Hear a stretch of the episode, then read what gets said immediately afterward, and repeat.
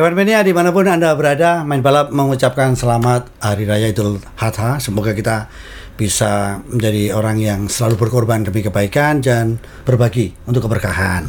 Kemudian juga main balap mengucap uh, turut berduka cita saya untuk meninggalnya Dilano benar ya? Dilano Van Hoff ya. Ya. Jadi kalau kita ke sirkuit selalu ada kata-kata bahasa Indonesia-nya itu kalau tidak salah adalah olahraga otomotif itu berbahaya. Ya. Ya kan? Betul ya? Kalau di tiketnya ada tulisannya. Ada tiketnya. Ya, ada ya? motorsport is dangerous. Nah, itu pun jangan hanya kalau Anda ke sirkuit atau beli tiketnya. Ya. Kalau Anda beli rokok, beli apa, kalau ada motor ya pakai helm. Intinya gitu kan. Dan mungkin Asa ini saksi ya. Saya baca tulisannya dia bagaimana helm sepeda. Helm ini hanya sepeda ya, Ya. bukan motor ya. Ya. Yang kata orang sepeda kan santai-santai, kalau cepat sama motor. Tapi pada saat jatuh kita ketabrak helm kan, Sa? Ya. Berapa kali terselamatkan oleh helm? Ak- Saya sudah mecahkan tiga helm mungkin. Tiga helm. Yang satu ditabrak 60 km per jam. Nah, ini Asa adalah cyclist yang suka uh, apa ya kecepatan juga tantangan. Kalau saya kan fotografer, saya dua kali. Jadi berhenti bawa kamera dua, tas depan kamera, belakang kamera, atau cider, aduh kena arisan. Helm saya, helm. Kemudian motor waktu naik motor ke lihat ke belakang juga helm. Jadi apa pun yang berkaitan dengan otomotif pakai helm ya. Kalau memang itu uh, motor. Baik, Evan Mania, saya baru sadar semalam saya kalau melihat selama ini saya melihat Monaco ini adalah sirkuit yang sangat sakral. Semua orang ingin menang di sana. Ya. Tetapi semalam saya baru sadar Monaco nggak ada apa-apanya dengan Red Austria, ini, ya. Austria. Ya. Kenapa? Banyak yang kena denda karena keluar dari batas suci. Iya kan? Ini sakral ya main-main. Keluar batas suci 5 second. Lima second. Ada yang berapa dapat? Saya lihat ini dua kali. Dan saya baru tahu Norris ini orangnya menyenangkan, ganteng, banyak yang suka, orangnya apa ya ceria gitu kan. Tapi diam-diam dia cepu.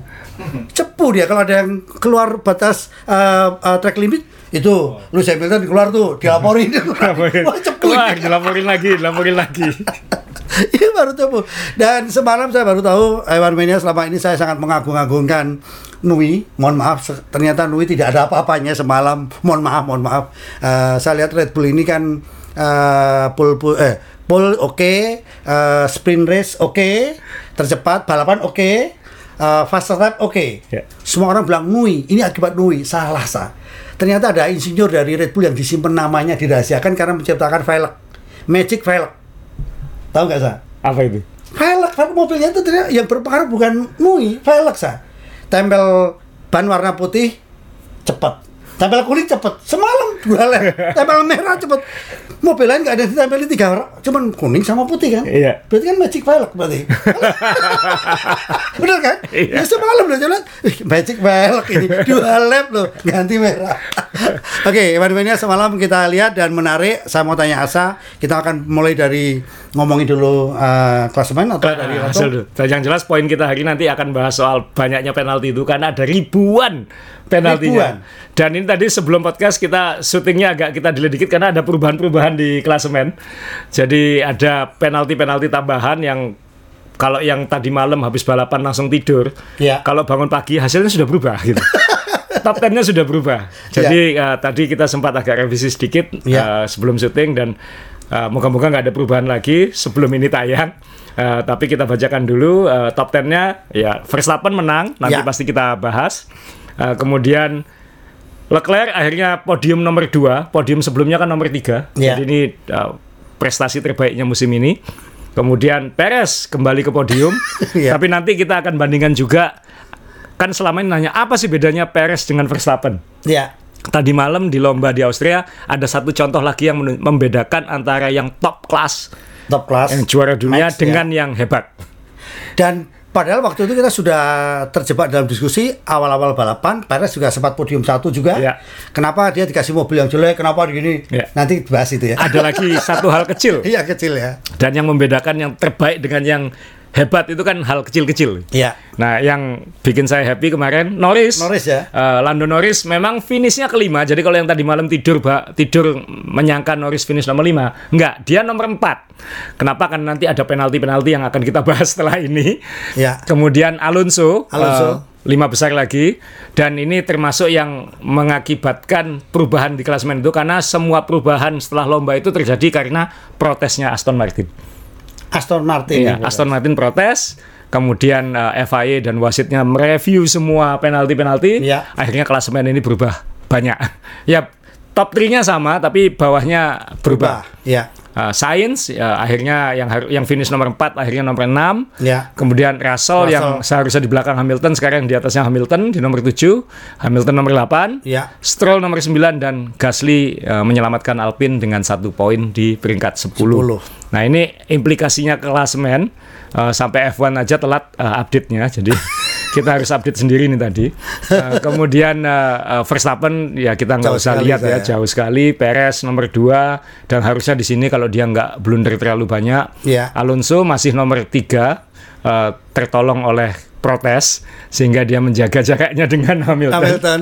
Ya. Hamilton nomor 4 dengan 106, kemudian Sainz dan Leclerc masih eh, bersebelahan.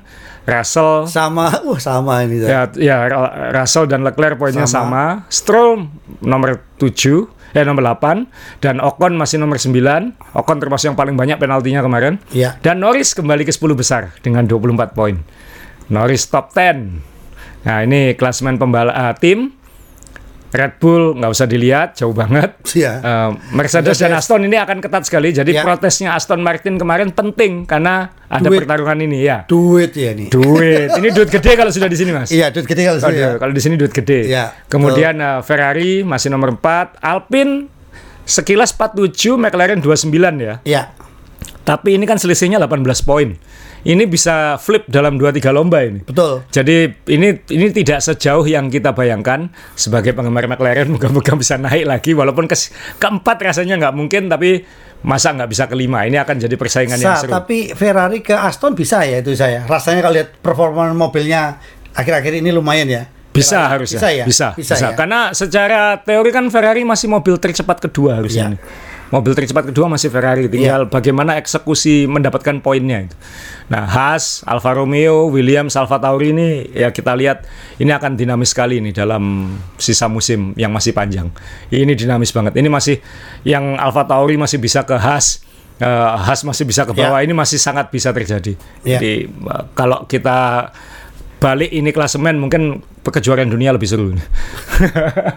ya, oke Sa, kita mulai dari eh, penalti dulu. penalti dulu ya. Karena Jadi ini awam ya, saya, saya bertanya awam saya, track limit gitu. Iya. Kalau ada track limit ngapain disebut balapan gitu?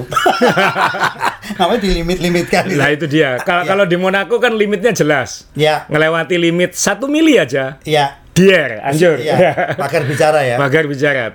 Lalu sirkuit-sirkuit lain em, ada track limit tapi pembalap-pembalap sangat sadar untuk menghindari Iya. karena gravel trap. Termasuk tikungan-tikungan awal di eh, Red Bull Ring ini gitu. Ah, sebentar Sa, gravel trap. Gravel trap. Gravel trap itu berarti dalam bentuk gravel. Gravel kerikil-kerikil itu ya. Kerikil-kerikil dan itu memang nah ini mungkin kalau tahun mobil-mobil tahun 2000-an nggak masalah ya. Ya. Kalau sekarang ngeri ya karena Sangat masalah, ya. Karena ngomongin masalah lantai kita ya. Ya, karena nyawa mobilnya ada di Dari lantai. bawah ya. Iya. Ya. Nah, kebetulan yang disoroti kemarin adalah tikungan terakhir ini kan 910 ini. Karena ini aspal run off-nya, aspal yang dicat. Iya. Nah, saat sprint race, ya sprint F1 sprint, Iya. itu nggak terlalu masalah karena basah. Kalau basah, pembalap menghindari cat. Oh, jadi sudah sudah paham ya sensornya paham. hidup ya. Iya. Cat karena pasti akan melintir gitu Ya, kan. jadi akan dia nahan diri sendiri. Iya, gitu. iya. Tikungannya lebih Iya. pelan, jangan sampai kena jet. Iya. Tapi ketika kering, normal seperti balapan di Austria kemarin, Iya. mereka akan ngepush secepat mungkin dan uh, gambling di exitnya ini uh, di bagian kiri luar ini. Iya. Jadi dia akan memaksimalkan ruang sebanyak mungkin di sini. Jadi mobil itu direm di sebelum tikungan 9 ini, kemudian kayak dilepas, Iya. kemudian baru digas lagi ketika sudah pas di garis gitu. Jadi supaya speednya tidak berkurang dan akselerasinya maksimal. gitu. Maksimal. Nah. Jadi ini sebenarnya uh, racing line yang pas sebenarnya. Betul. Tapi dibikin jebakan Batman oleh VIA. Ya sebenarnya bukan jebakan Batman, memang aslinya begitu pembalap aja yang yang ingin memaksimalkan sampai milimeter terakhir gitu. Cuman kalau kalau tembok milimeter terakhirnya itu bisa dirasa gitu. Iya. Kalau ini kan Nggak kerasa. nggak kerasa ya karena Nggak efek ke mobil ya. nggak efek ke mobil. Nah, Nggak ada risiko besar ya. eh, sebelum kita ngomong nanti efeknya ke depan, kita akan kasih contoh apa itu track limit dan tidak. Track limit menurut F1 dan FIA adalah ketika empat ban Empat ban. sama-sama melewati batas. Jadi kalau hanya melewati dua nggak apa-apa. Contohnya yang dilakukan oleh Mercedes ini. Ini aman. Ini nggak apa-apa, kenapa? Walaupun mungkin 80% mobil itu melewati batas, Ya. tapi ban luarnya ini masih ban kanannya masih di ini garis putih ini ya yang jadi Ya. batas ya. Ban kanannya ini masih di luar garis. Bahkan sebenarnya kalau garisnya itu di sini, Ya. Masih hanya satu senti, dua senti saja ban itu melek di luar uh, Garis putih. Garis putih itu masih nggak apa-apa. Salah ini kayak kita kalau yang suka nonton tenis kan saya suka nonton tenis. Ya. Coba kalau di kayak di replay apa ya? Kalau nya VAR itu loh. Ya. Bolanya itu kan tipis pun masuk ya. Masuk ya, bisa ketahuan. Jengkel Tet, kan, gitu jengkel ya, kan. ya. Ya. Itu menjengkelkan itu. Ya. Nah, ini kita ngomong nanti soal perwasitannya. Ya. iya, iya, iya. Nah, ini yang melanggar, contohnya ini ada Alfa Tauri. Ini yang jelas-jelas melanggar. Oh. ini jelas-jelas ya, ya, melanggar. ya, ya. Jadi semua ban di luar garis putih. Dari batas sucinya tadi ya. Batas sucinya ini, garis Iya. putih ini. Bukan ini ya, bukan biru, bukan Iya. merah. Garis putih di Putih ujung. itu ya. Nah, tadi kita bandingkan lagi, ini masih oke. Iya. Bahkan lebih mepet lagi juga masih oke. Tapi ini sudah Full ya sudah masuk ya. nggak oke.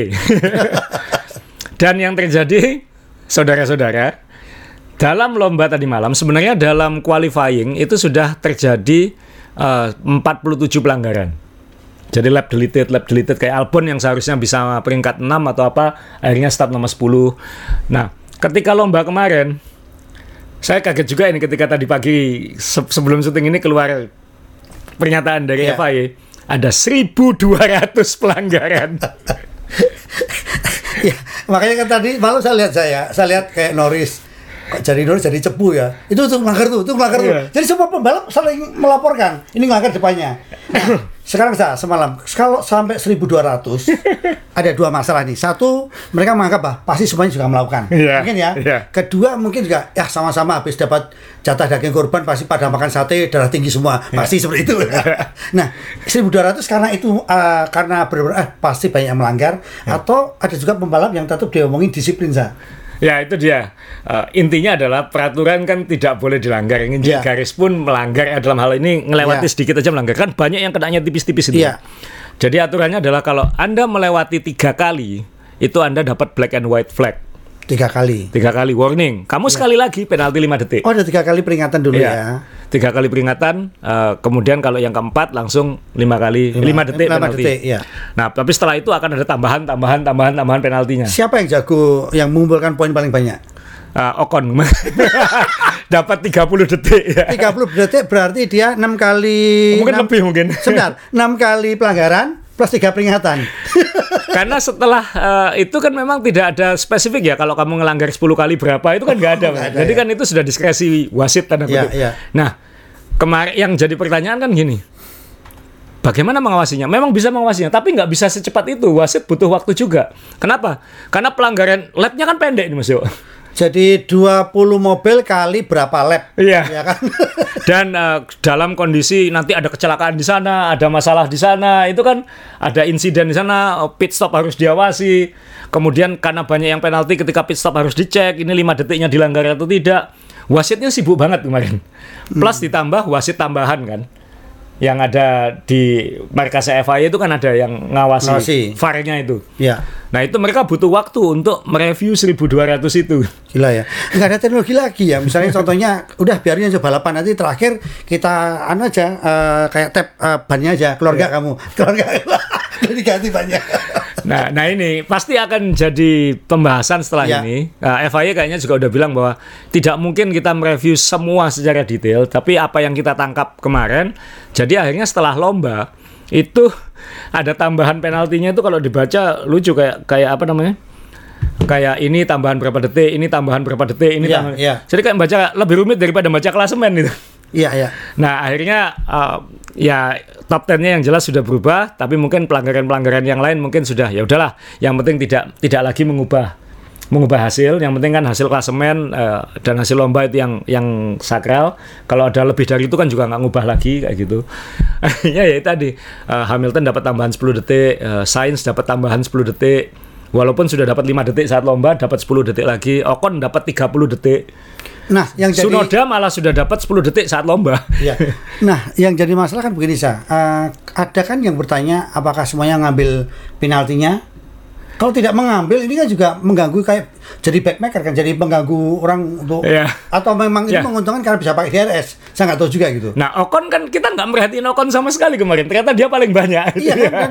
Dan saya saya tahu ada eh, Hamilton atau siapa yang sempat 5 detik kita lihat pasang bannya kan nunggu dulu kan. Nunggu dulu, nggak boleh Nah. nyentuh sama sekali ya. Nah, Ocon kan nggak tahu. Coba kalau 30 detik kan lama sekali. Iya. ngopi-ngopi. Sampai 30 detik bisa ke toilet loncat Lah, lagi iya mungkin. kan? Ini kan tidak semuanya mengambil penalti saya yang jadi masalah. Ya, penaltinya kan memang eh, aturannya adalah kalau itu tidak pit stop, maka itu akan ditambahkan waktunya setelah Setelah lomba. Tapi kalau dia sebelum pit stop dan dia melakukan pit stop, maka penalti itu harus diambil saat pit stop. ya. Jadi lebih enak diambil setelah sebenarnya. Nah, dan itu ada berapa kasus pembalap top dulu ya siapa ya eh, Michael Schumacher atau siapa tahu kalau dia diberi penalti tapi dia nggak ngambil tapi muter sekencang mungkin Iya. nanti hitung-hitungan di akhir kan Betul. dan dia bisa juara juga Iya, bisa. Iya kan Ya kalau mobilnya unggul banget kayak Red Bull kemarin mau ngapain aja bisa. Buktinya siapa misalnya eh, Verstappen sebenarnya dia ke- kemarin tercatat hanya menang 5 detik karena dia pit stop dulu Iya, terakhir kan. iya. Tapi kalau dia nggak pit stop kan menangnya 25 detik. iya Dia mau ngambil penaltinya kan juga nggak apa-apa. Mungkin dilanggar-langgar terus saja kan dia di penalti 20 detik juga masih juara. Oke, sebentar. Kita sebelum ke Verstappen khusus ah, Ya. eh, di track limit eh, ini Ya. eh, baru kali ini kita melihat selama balapan 8 kali atau 9 kali ini kan di sini yang paling banyak. Iya. Iya kan, Sa? Gini, ada statement menarik juga. Sebenarnya sirkuit ini kan termasuk yang paling rawan track limit ya. Iya. Nanti juga mungkin ada Monza atau apa yang cenderung-cenderung uh, speednya tinggi. Nah, ini sebenarnya katanya sebelum-sebelum ini juga banyak terjadi.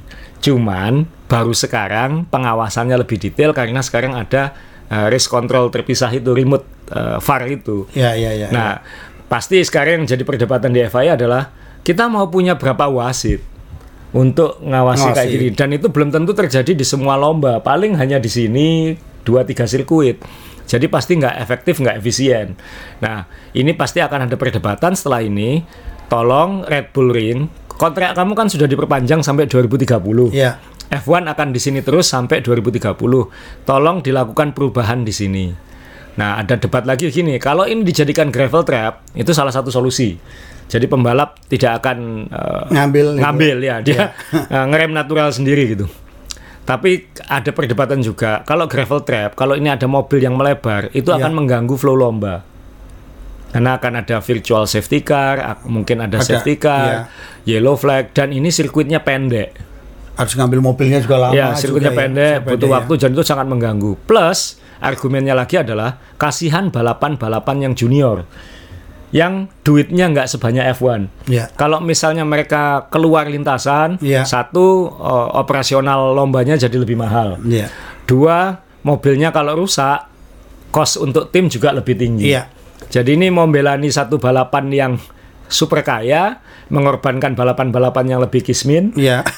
atau bagaimana? Ini pasti akan jadi perdebatan. Ada lagi solusi misalnya, kenapa nggak dikasih sosis saja di sini? Eh, sosis kerap itu yang lebih gede. Risiko bahaya juga, karena Iya. kalau itu mobil terpelanting atau apa-apa, itu malah lebih lebih parah daripada gravel trap. Nah ini kemudian usul lain lagi profil tikungannya yang diubah, misalnya dikasih chicken sedikit atau dipelankan sedikit di entry-nya tikungan 9 supaya ketika di tikungan 10 ini tidak secepat ini. Jadi ada banyak uh, proposal-proposal solusi yang yang ditawarkan. Nah, kita lihat nanti setelah ini seperti apa. Karena agak konyol juga kalau sampai ada 1200 pelanggaran kan.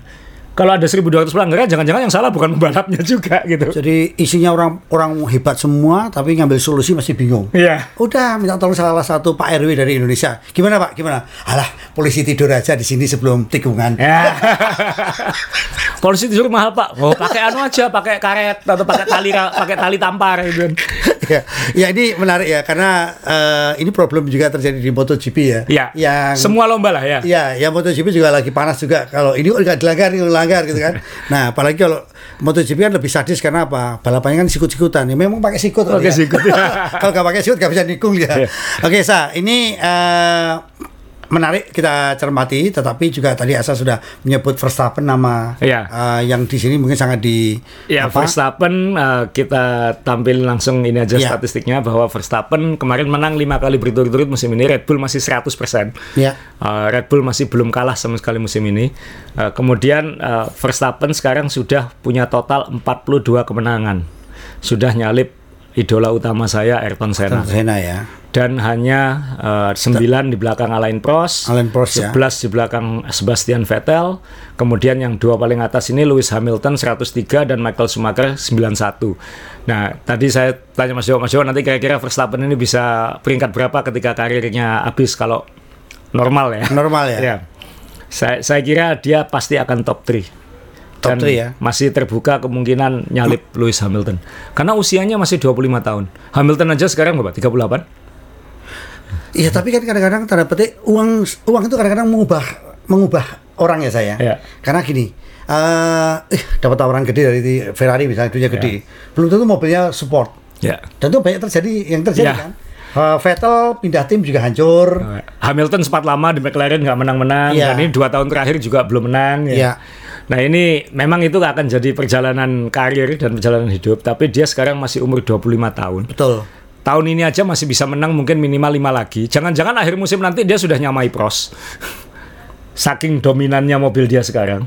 Dan ini dalam kondisi mobil tahun ini tidak ada pengembangan dalam arti karena batasan ya. Betul. Berarti tahun depan bahaya gitu kan. Masih bahaya ya. Jadi Ya kan? dia saya kira minimal akan nyalip Vettel, setelah itu tinggal ya dia bisa ke Sumi atau ke Lewis Hamilton. Tapi kalau Vettel kayaknya bukan angka yang susah dikejar oleh seorang Max Verstappen. Ngeri ya. Ya, Masih Sah. umur 25 ya. Sa, kayak Max semalam kita lihat tinggal dua lap kan juga ada yang DM saya. Eh, dua lap kenapa dia ngambil nggak takut risiko? Hmm. Nah, ya, itulah. saya jawabnya sederhana aja. Ini kan dia kan nggak punya pesaing. Iya. dia saing aja sendiri ya kan. Jadi tadi malam tuh eh, waktu diskusi itu kan diambil atau tidak itu. Iya. Saya pikir ambil aja. Kenapa? Pengen maksimalin poin sekalian kan dia sprint sudah maksimal, eh, balapan maksimal, kurang satu poin ambil aja itu fase lap. Toh seandainya meleset terus dia nggak nomor satu atau nggak finish, um, klasemen dia nggak terganggu kok. Iya. jadi Iya. jadi udah kalau sudah kayak gini udah fun-funan aja gitu. Jadi ini selama ini kita lihat Max itu yang tanda petik rotok jengkel kayak orangnya Iya. gitu kan. Semalam kan menghibur. Ya jadi entertainment aja. Iya kan, Valentino Rossi semalam Iya. kan. Sama, sama, eh, gila ini bagus nih. Dan yang lucu lagi kelihatan sekali kalau eh, apa eh, balapan semalam sangat tergantung dengan sistem bahwa Mac akan di apa eh, ditangkap oleh si Ah, eh, Leclerc, tiga lap. Oh, gimana tiga lap? Mungkin baru tinggal satu lap. Iya. sistem banget ya.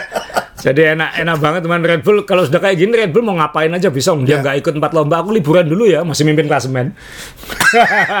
Atau Daniel lah, udah Daniel kamu. Iya Daniel gantian yuk gantian yuk gitu ya atau tujuh lomba terakhir tujuh pembalap berbeda siapa bisa menang kan Iya. juga bisa kalau mau. Ya, Ini itu. tapi semalam juga menurut saya waktu dua lap mengambil itu juga ini medeni loh ini timnya Red Bull itu nggak main-main loh perfect loh Oh. ini bleset bahaya loh ini ini ini sekarang kita masuk ke level detail maksudnya. Oke. Jadi detail se- seorang juara dunia dan tim juara dunia. tapi dua-duanya disupport oleh tim yang detail ya Betul. Dua-duanya Jadi ini ya. uh, juara dunianya detail, timnya juga detail. Iya. Tim juara dunia. Perhatikan nggak teman-teman, sebelum pit stop Verstappen itu Iya. ada kru Red Bull yang lari, yang lari ke arah Park Ferme, ke arah tempat mobil berhenti setelah juara, untuk minggirkan pagar. iya saya lihat tapi Lihat saya kan? bingung tapi Ya. nggak tahu saya apa yang dimaksud Ya, jadi ini kan sudah kurang dua, Dua lap. lap. Jadi petugas-petugas FIA ini sudah mulai nyiap nyiap nyiapin pagar-pagar tempat fotograferin loh, tempat kru ini untuk membatasi ini. iya karena Jadi, lima menit ya tinggal Kurang lima lima menit, lah. ya. Jadi mereka sudah menit. pagar. Jadi Iya. sebagian pagar itu udah maju gini. iya Nah, pit lane-nya Red Bull itu kan yang pertama. iya Jadi kalau ada pagar ini, ini bisa ganggu pit stopnya Verstappen. Iya. Jadi kru ini melihat itu, refleks langsung lari. Lari, minggirkan dulu pagar itu, baru sebelum Verstappen masuk. gila ya Itu detail. Dan itu tidak perlu mandor. Dalam artian kalau di Indonesia mungkin harus ada yang ngingetkan, harus ada yang ngingetkan, harus ini enggak. Krunya semua itu on semua gitu. Jadi aware. krunya semua eh, quality controlnya ada di semua kru ya Iya. udah tahu apa yang dilakukan ya Jadi kalau misalnya apa yang kira-kira bisa bikin ini lebih lambat? iya benar semalam saya iya Semua dilihat. Eh, Iya. Mungkin permukaannya aman apa enggak, licin apa enggak. iya Loh, ada pagar, langsung lari dia. Iya. Langsung lari, minggirkan pagar itu, Verstappen masuk aman, pit stop 2,4 detik kalau nggak salah. Terus keluar fase lap, satu poin. Kalau orang itu nggak lupa, misalnya santai-santai, Iya. loh kok ada pagar, itu mungkin menghambat Verstappen setengah berapa detik, aja. detik iya Jangan-jangan itu nanti ganggu flow yang lain, iya dan kemudian malah keluar di belakang Leclerc. Kan Iya. kita nggak tahu. Ya. Nah ini ini level detail tim juara dunia. Dia bisa memikirkan, dia bisa melihat sekelilingnya aware, helikopter view-nya jalan. Uh ada pagar, lari, Ya. pinggirkan pagar. Itu eh, timnya, Verstappen-nya. Saya akan ngambil contoh fotonya eh, Perez ini memang saat tarung sama Sainz. Sains ya. Jadi teman-teman eh, saya nggak tahu perhatian atau tidak, ketika Verstappen nyalip, dia itu benar-benar tahu bagaimana nyalip yang efektif, efisien, dan nggak seolah-olah nggak banyak effort. Juga tidak apa ya, tidak maksa mobil itu berlebihan. Betul. Iya kan? Kayaknya pas tek lewat selesai kayak gitu. Iya. Sedangkan Perez untuk nyalip Sainz itu seolah-olah kok butuh tarung gitu. Iya. nah, bedanya adalah kalau Anda perhatikan foto ini yang saya temukan capturean dari balapan yang saya dapat itu ini capturean dari video ya. Itu ada garis Ya. sebelum tikungan tiga nih kalau nggak salah. Itu kalau tidak salah di setiap eh, sirkuit ada garis lurus sebelum tikungan saya. Ya, ini garis eh, penanda DRS. Oh, Jadi penanda DRS. eh, nah, siapa yang di belakang saat melewati garis ini berada di berada di belakang pembalap lain Iya. di bawah satu detik, maka setelah itu DRS-nya bisa menyala. hmm. Kalau dia di belakang, di depan begini, kalau begini, Iya. yang di depan siapa Mas Yo? kan itu di depan Perez. yang Perez, Ya, berarti kalau setelah nikung yang punya DRS siapa? Yang merah Sains. Jadi kalau misalnya setelah tikungan ini, tikungannya kan di sini ya. Iya. Kalau setelah tikungan ini Perez nyalip, siapa Iya. yang punya DRS? Sainz. Iya, Sains Ferrari. Berarti Sainz bisa fight lagi kan? Iya. Hmm. Nah, yang dilakukan Verstappen setiap kali dia nyalip, dia memastikan walaupun dia nyalip di sini, dia bisa ngira-ngira saat melewati garis ini dia masih berada di belakang mobil yang mau disalip. Genius itu. Maksudnya dia punya awareness yang begitu tinggi. Ini kelas juara dunia emang Iya, Senna, iya, Schumacher iya, punya iya. ini semua. Sebelum dia nyalip, dia mastikan mobilnya belum di depan saat melewati garis DRS. Supaya apa? Ketika aku sudah menyalip, kan momentumnya sama. Oh ini di ujung di ujung Di ujung tikungan, ya. menu- menjelang tikungan. Jadi begitu dia menyalip, dia yang punya DRS. Sudah nyalip punya DRS. Nggak bisa kekejar. Nggak bisa kekejar. Kurang ajar kan? Ya pinter ya gitu, bukan Ya. pinter kurang ajar gitu. Ya. Nah ini yang mungkin nanti harus dipikirkan lagi lah oleh oleh uh, FIA juga positioning DRS ini karena mungkin ini kurang apa ya kurang dekat ke tikungan lagi atau bagaimana Iya, iya, iya. ini ini pelajaran untuk kita ya. Jadi eh, Microsoft ini berarti kalau beli mobil itu memang dibaca manual booknya itu dibaca ya. Iya kan? Iya kan? Iya membaca kelebihannya apa mobilku ini gitu kan? Iya. Iya kan? Nah ini kan dia tidak tahu kan semalam kan kita lihat oh ya Ceko itu memang bangga sebagai menteri eh, menteri pertahanan. Pada saat menteri penyerangan nggak bisa dia. nggak bisa bingung Eh, ya. Menteri penyerangan nggak bisa apa-apa. Menteri pertahanan aja itu. Ya tapi sa dengan kondisi semalam kita lihat eh Perez ini berhasil podium tetapi dengan belepotan tanda petik ya. Ya. Mulai dari sprint race kemudian eh, macam-macam selalu eh, apa, Harus ngejar lah ya. Ya kan? Harus nah, ngejar. tekanan atau tidak? Selama ini kita lihat prestasinya kan awalnya Eh, bersaing, sekarang turun turun turun. Saya kira turun. mulai ada tekanan ya, Uh, Iya. apalagi kayak posisi Red Bull seperti sekarang adalah dia pembalap nomor duanya siapa aja nggak masalah. Iya ya. Kan kalau bargaining negosiasi kan jelas siapa yang butuh. Dan berarti pada saat eh, sprint race yang sempat mereka saling jual beli itu, Ya. itu pun juga eh, tanda petik kalau seandainya Perez menang dengan cara eh, Max Verstappen terlempar, bahaya juga juga. Bahaya juga. Tapi waktu itu memang racing incident sih saya lihat itu ya namanya sedang tarung ya gitu. Ya, Mung- ya, dan licin. Dan licin jadi uh, kita agak dan itu untuk benefit penonton itu lebih baik. Oh iya iya iya. iya. yang yang berantem kan Red Bull sendiri. Iya. Jadi saya kira itu itu oke-oke aja. Tapi nggak jantan ya, keduanya nggak jantan. Kalau berantem nggak langsung tapi melalui operator. Ngapain dia? Dia ngapain? ya karena nggak bisa ngomong langsung. Kok kayak zaman saya dulu pakai telegram. Apa lapor aja ke Telkom dulu telegram. Oke oke oke oke. Jadi ya, Lanjut. ya memang, tapi itu sedikit bumbu drama lah. Uh, tapi yang jelas under pressure uh, Ya. Perez uh, sehingga ya sekarang ini kan Perez mau diganti siapa aja nggak masalah. Mau Verstappen menang terus. Iya.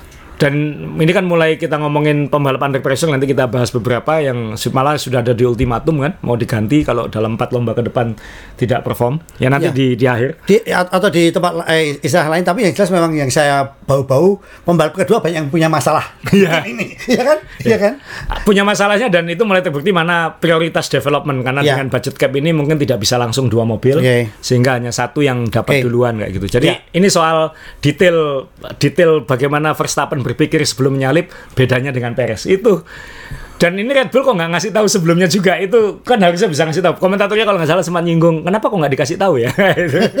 Cara ngambilnya gitu. Tapi Iya. mungkin timnya juga pengen lihat ini ngerti nggak ngerti lo masih belum ngerti juga ngerti nggak lo masih belum ngerti juga mungkin digituin juga Jadi, juga mungkin jadi kamu lebih senang semalam ke- ketika Norris ngambil Lewis Hamilton.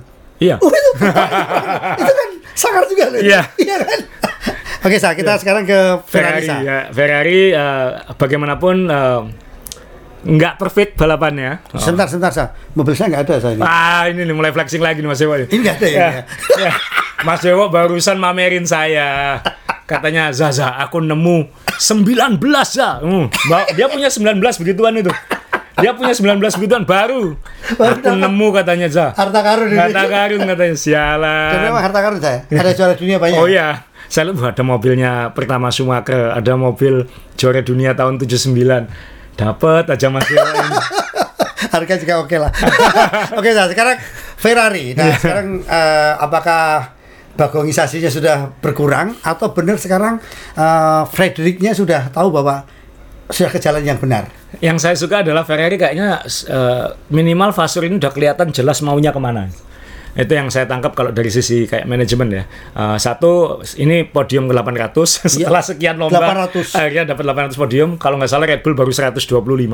Ya. Jadi ini benar-benar eh, belum pernah ada tim ya memang ini tim paling tua di F1 ya sejak balapan pertama tahun 50. Nah, jadi yang paling banyak Michael Schumacher 116 ini kalau di Iya. zoom ya. Eh, kemudian eh, Rubens Barrichello ternyata yang nomor dua. Lima- Tapi banyak ya? podiumnya nih di belakangnya Schumacher. Iya, iya, iya, iya. Karena mobilnya bagus tapi belakang. Kemudian Vettel, Vettel juga 55, 55, ya. Raikkonen Oh, 52. Oke juga, ya. Dan Alonso nyumbang 44 di sini. Iya. Jadi 800 podiumnya ini yang pertama kali ya Alberto Ascari tahun 50. eh, Yang kedua ini, Sa? Yang 250 siapa ini, Sa? yang 250 ini eh, Jody Scheckter. Ini waktu juara dunia tahun 79 itu mobilnya. Sialan. Ada aku punya. itu. Ah, cuma mau flexing aja. maaf. Terus ini Ruben Barrichello yang Iya. sering barengan sama Sumi ya. Iya. Ah, jadi ini 800 podium, apa pun eh, ini pencapaian yang nomor satu di F1. Jadi kalau dibilang bagong atau tidak, ya enggak, ya kan. Eh, tapi happy, ya enggak. Jadi Ya. kalau ditanya Ferrari ini kalau pakai kiasan bahasa Inggris itu adalah so near yet so far. Kayaknya udah deket, Deket. tapi ya masih jauh gitu. Paham ya? Jadi kayak nanggung kan ya. Ya kayak udel ya, jauh di mata dekat di hati. Iya jauh di mata dia udah. tapi tapi bener loh, Sa. Tapi maaf ya, ini penting kemenangan ini penting untuk dia, Sa. Oh sangat. Sangat penting ya, karena kepercayaan dirinya habis. Habis. Iya kan? Kasihan ini. Ya, dan ya, Satu lagi Mas, Yo. kalau ditanya Mbagong atau tidak, ya. So, kan sempat Ferrari menawarkan opsi strategi lain. What do you think about three stop? No. Jadi Ferrari ini kayaknya juga belum pede untuk kita Mengambil. gini aja gitu ya, Ya. supaya lebih cepat. Harus nanya dulu Leclerc, tapi ini mungkin karena kesepakatan ketika tahun lalu banyak bagongnya itu kan, sehingga Leclerc akan selalu minta kalau kamu punya strategi tertentu tanyakan aku dulu. Mungkin ada gitunya juga. Jadi saling nggak percaya ini. Sebentar, Sa. Kembali ke Red Bull ya, soal tim tadi ya, Ya. yang tim sangat detail tadi. Ya. Mengapa nggak ada analisis Uniban sudah mulai aus, Uni ini ini. Ini kan tim yang tahu juga, Sa. Ya mungkin karena kepercayaan dirinya belum balik juga mas. Kan, Iya kan? Kalau kalau race strategisnya, race engineer-nya atau uh, uh, sporting directornya PD, Leclerc pit stop tiga kali kita. Iya. Kayak gitu. Itu kan Iya. PD. Kalau salah aku yang ambil risiko kayak gitu. Iya. Ini kan enggak. What do you think about pit Iya. Jadi saya kayak tanya Mas Dewo, pit stop lagi mau nggak? Iya. kan masa masa nanyanya kayak gitu. Iya, itu untung bukan dari orang Jawa. Kalau misalnya dia ternyata yang benar Leclerc, ya tadi eh, apa eh, timnya tadi paling salah maneh. Iya kan? Ini semalam tuh kan saya lihat, wah ini perlu harus ma Ferrari harus Iya. menang ini, Ferrari harus menang ini, karena pede saya. Iya. Tapi positifnya Mas Dewo, uh, problem utama Ferrari selama belakangan ini adalah bannya cepat aus. Boros ya, betul. Nah tadi malam kayaknya oke dan sirkuit ini termasuk sebenarnya yang keras ke ban karena dia konstan akselerasi, deselerasi, akselerasi, deselerasi dan tikungan cepat. Jadi banyak menggunakan ban. Ini, ini kita pegang omongannya Asa ya, semoga benar ya, karena eh, sirkuit ini kata Asa boros ban, tapi Ferrari menunjukkan kalau banyak awet. Se- Jadi balapan, ya kan? Ya. Balapan selanjutnya berarti menjanjikan. Menjanjikan. Betul ya, Sudah, ya. saya melihat ini sudah di jalan yang clear gitu. Arah develop kan sudah ngambil drastis perubahan mobilnya kan barusan berubah. Jadi kalau uh, ya ini dari depan mobilnya kan sebenarnya sudah cukup berubah ya, tidak lagi pakai bak mandi, bak Oh, toilet iya, yang iya, di iya. atas. Juga sudah ya. berubah uh, sidepodnya sudah lebih Nggak menyadari ya kita ya kalau Ya. ada perubahan banyak ya. sudah mulai agak Ya. ke arah Red Bull atau Alpine dalam hal ini. Ya. Nah, jadi mereka sudah kembali ke riset setengah riset uh, posisi. Jadi saya kira ini pertanda baik. Nah, Ya. Tinggal kita lihat beberapa lomba ke depan. Kita lihat di minggu ini ya, weekend ini kan di Ya. Silverstone. Ya. Silverstone itu sangat uh, aero dependent tapi juga power dan sejarahnya Ferrari oke di situ. Jadi kita lihat nanti seperti apa di situ karena itu juga ban sangat pemakaian ban juga sangat penting. Nah, ini agak positif. Positif dalam artian podium-podium mungkin akan lebih gampang. Ferrari akan mengukuhkan diri sebagai tim terbaik kedua, tapi masih belum ke levelnya Red Bull.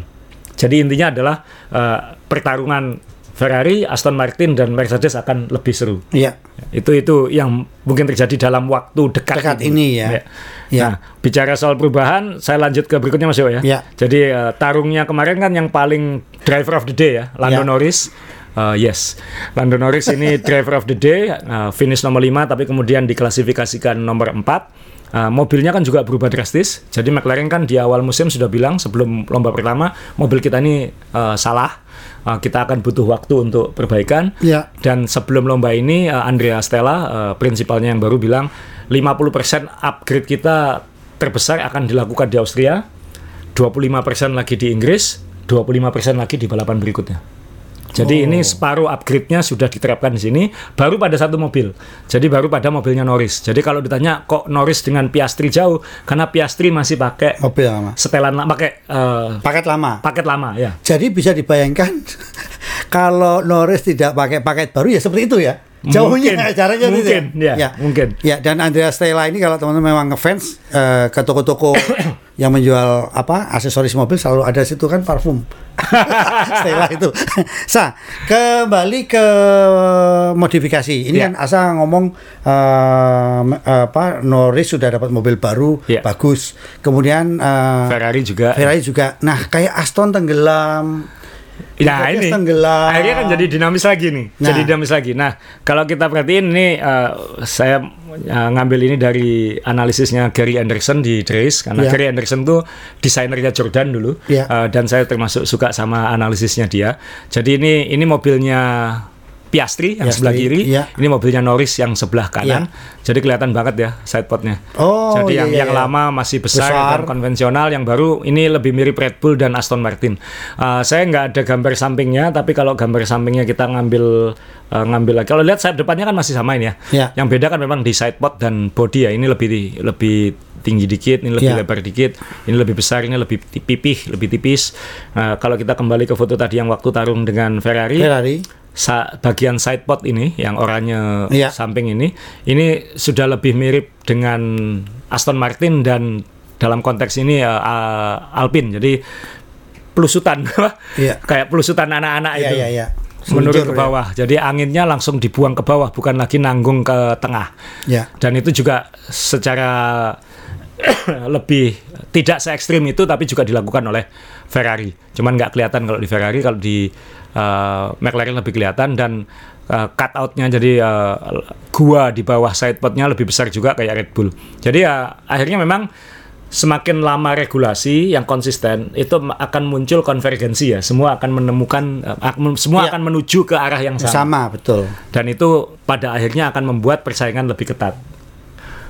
Seperti tahun 2021 kenapa itu bisa ketat karena ya aturannya nggak pernah berubah Ya. selama bertahun-tahun. Jadi ya kita harapan kita tahun depan semua sudah di titik yang sama dan moga-moga Mbah Nui agak ngantuk dikit nggak nemu lagi nggak nemu lagi trik baru lagi yang jadi pembeda. Oh, beda yang sangat jauh ya.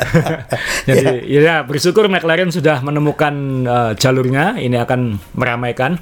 Apalagi Norris ini kan uh, punya kemampuan nyodok ke 10 besar atau bahkan lima besar Ya. kalau kalau mobilnya memungkinkan. ya. Eh, kemudian kalau Aston dan Mercedes memang Ya. kenapa yang apa yang salah saya? Nah ini Mercedes ini kan sudah ekstrim juga berubah kan. Iya. Nah, zero potnya sudah berkembang. Iya. Nah ini kemarin dia memang bisa dibilang lebih baik mungkin ya daripada Aston Martin, tapi kalah sama McLaren. Ya, Ya. jadi tinggal apakah ini circuit dependent atau memang polanya seperti itu. Sekali lagi kita masih harus nunggu.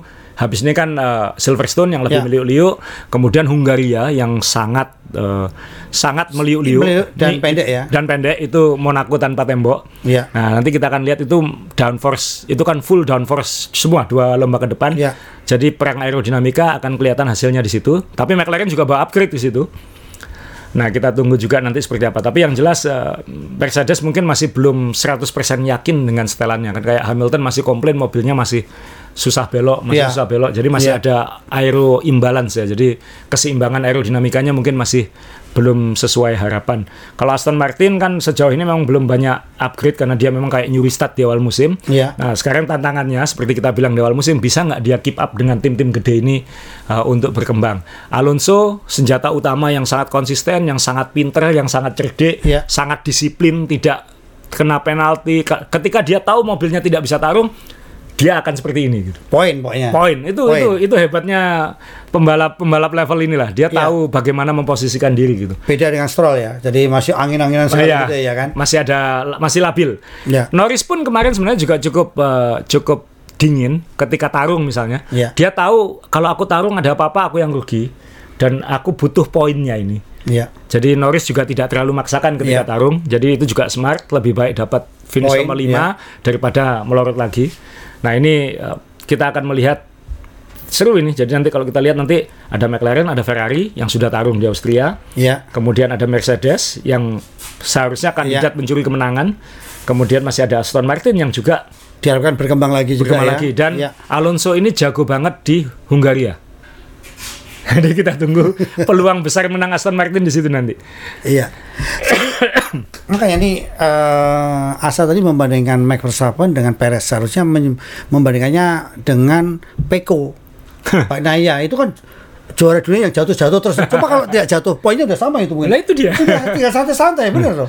Kadang ada itu yang membedakan levelnya pembalap tertinggi sama enggak. Dia tahu kapan harus nge-push, Iya. tahu kapan harus tahu kapan harus 100%, tahu Iya. kapan harus 95%, tahu kapan harus 105%. Itu itu yang membedakan. Dan ketika harus 105% tahu caranya bagaimana itu. Iya. itu Iya. bedanya. Jadi dulu kita ingat kayak Michael Schumacher kadang-kadang ngotot ya cuma dapat satu poin aja di Iya. dikumpulin, dikumpulin gitu. Tapi itu penting nanti itu. Nah, dan sekarang ini rasanya sudah nggak penting ya. Kayaknya Karena- enggak. Karena Max sudah Ayo kita semua bikin petisi Max, kamu liburan dong satu bulan. ke Bali. kita undang ke Bali, main balap yang bayar. Nah, oke Sa, ini eh, gosip-gosip terbaru soal Ya. tim lain, Alfa Tauri atau gimana ada? Jadi ini kita sudah pembahasan akhir. Jadi eh, Alfa Tauri yang memang Ya. sekarang juru kunci eh, sudah muncul statement dalam dua minggu terakhir. Helmut Ya. Marko, eh, advisor, penasehat tapi petingginya Red Bull lah ya, Eh, petinggi payungnya Red Bull, maaf. Itu dia bilang bahwa Alfa Tauri tahun depan namanya bukan akan bukan lagi Alfa Tauri. Alfa Tauri ini kan untuk nge-push fashion brandnya Red Bull, tapi Bull. kayaknya nggak berhasil. Iya. Uh, sehingga kemudian ada wacana tahun depan akan diganti namanya. Kemudian muncul ah kembali ke Toro Rosso, kembali ke Toro Rosso. Uh, Helmut Marko di Austria bilang lagi enggak enggak enggak akan kembali ke Toro Rosso. Nah, sekarang kita semua akan berspekulasi apa nama timnya. Apakah akan dibuatkan sayembara atau akan dijual seperti Sauber. Sauber kan menjual ke Alfa Romeo. Iya. Nah, Alfa Romeo tahun depan kan sudah nggak lagi karena Sauber akan jadi Audi. Nah, jangan-jangan Alfa Romeo mau ke sini, kita nggak tahu. Kemudian atau mungkin nanti ada investor lain. Ingat ini uh, Alpine, Alpine baru saja dibeli sekitar seperempat sahamnya oleh aktor Ryan Reynolds, Deadpool, dan uh, partner-partnernya. Dan itu valuasinya Alpine itu 900 juta dolar. 900 juta dolar setara dengan Ya kita sendiri aja itu berapa.